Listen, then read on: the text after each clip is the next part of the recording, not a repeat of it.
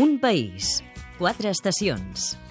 El turisme a Catalunya Informació amb Fèlix Martín. Avui descobrirem els secrets del monestir de Vallbona de les Monges i sabrem com el festival Temporada Alta, que va començar la setmana passada, fa més del que sembla per impulsar el turisme a la ciutat de Girona.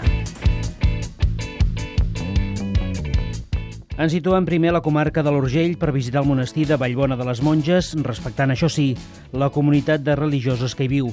Fundat a la primera meitat del segle XII, és el monestir cistercenc femení més important de Catalunya i ha anat amb Pere Joan Álvarez. Un país, quatre estacions. Donar-vos la benvinguda a Santa Maria de Vallbona. Jo em dic Margarita. El primer que hem de saber és que és un monestir que comença la seva vida al segle XII, però, com heu pogut veure en l'entrada, la comunitat ha continuat fins avui.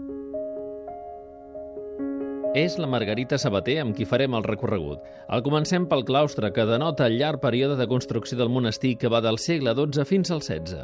Com podeu veure pel claustre, no n'hi ha cap ala que sigui igual. És perquè es va construint en diferents moments.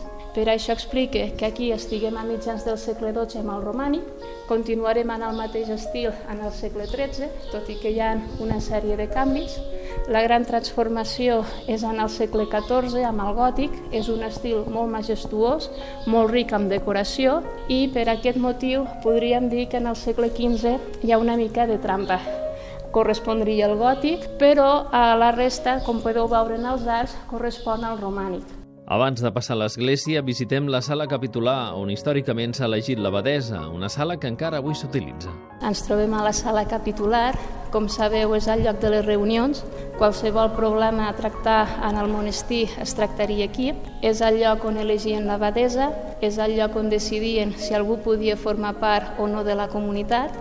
De ser així i si acabava el noviciat, era aquí on es donaven els hàbits i és una sala que avui en dia continua utilitzant-se. Ens endinsem tot seguit a l'església. Visitarem l'església, ho farem per aquesta porta, aquí hem de vigilar perquè la porta és molt petiteta. La primera sensació a l'entrar és una mica estranya perquè ho hem fet pel creuer. Com veieu, la nau principal seria una estemara, Podeu veure que és una nau molt austera. El temple és també un exemple de transició de l'estil romànic al gòtic. La nau conté els sepulcres de Violant d'Hongria i de la seva filla Sansa. Acabem la visita, tornant al claustre des d'on es veuen els dos cimboris. Acabarem una mica la visita com l'hem començat. Els espais que ens faltaria per veure són els cimboris. El que està amb nosaltres a sota l'església seria el de la dreta, els dos són del gòtic, però com hem dit aquest és el més antic, només té la decoració dels contraforts amb el que són les gàrgoles, i en canvi l'altre ja té els pinacles, té els gablets, la piràmide, i deia que és el, que, el més representatiu perquè tant si s'arriba d'una banda com de l'altra del poble sempre és el primer que es veu. El monestir està declarat bé cultural d'interès nacional. El protagonista. Soc en Salvador Sunyer, que sóc el director de Temporada Alta al Festival de Tardor de Catalunya.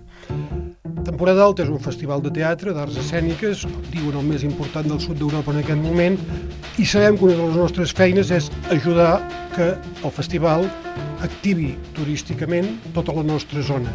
Per què? Perquè la cultura no solament és una despesa, sinó al revés, ha de ser un ingrés.